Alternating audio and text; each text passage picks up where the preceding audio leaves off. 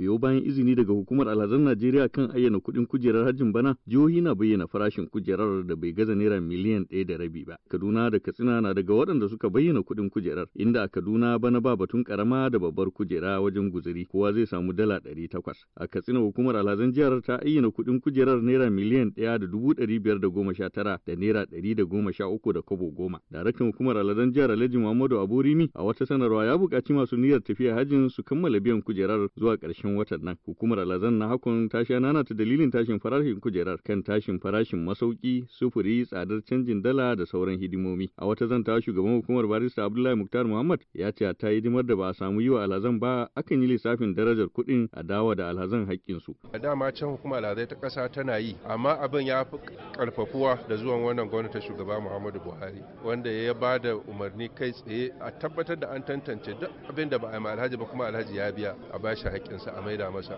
A shekara ta 2015 an dawo da wajen biliyan 1 da miliyan 500 a shekara ta 2016 an maida wajen miliyan 500 ko 600 a shekara ta 2017 an maida wajen miliyan 800 abin na'ura ne mai sanyi kawai a arafa bai sanyi ba sosai.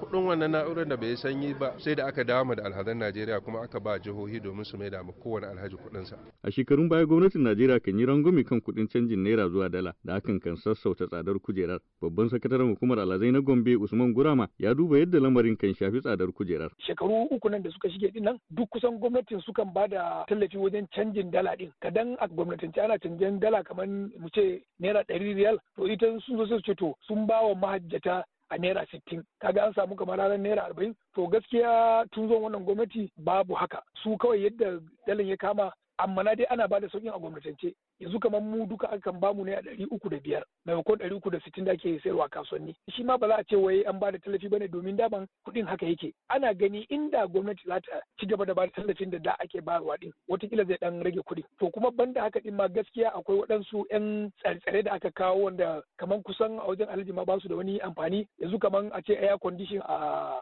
arafa to arafa dai kowa san yadda yake. Kusan rumfuna ake kuma ba wuni ake ba wani kwana ake ba. To amma na an sa dole wasu an sa air condition to air condition din kowane alhaji yana biyan wajen riyal ɗari biyu da wani ba kansa. To irin wannan ƙanana ƙanana abin da kusan ba su da amfani ana sako su to shi ma yana ƙara kuɗi din to waɗannan duk su suka nasu wato suke sa kuɗin yayi yawa. Hakanan saudiya kan karɓi ƙarin awalaja na riyal dubu biyu ga alhazan da suka maimaita zuwa hajjin a jere cikin shekarun da ba su gaza biyar ba. Hakan ko ya shafi har da masu zuwa umra. Bincike ya gano mana cewa wasu daga cikin jihohin kudu maso kudu da kudu maso gabar na da ragin kuɗin kujerar da takan kama miliyan ɗaya da dubu ɗari huɗu da ‘yan kai bisa irin hidimar da suka buƙaci a yi wa alhazansu. Nasura da Mailika murar Amurka daga Abuja, Najeriya.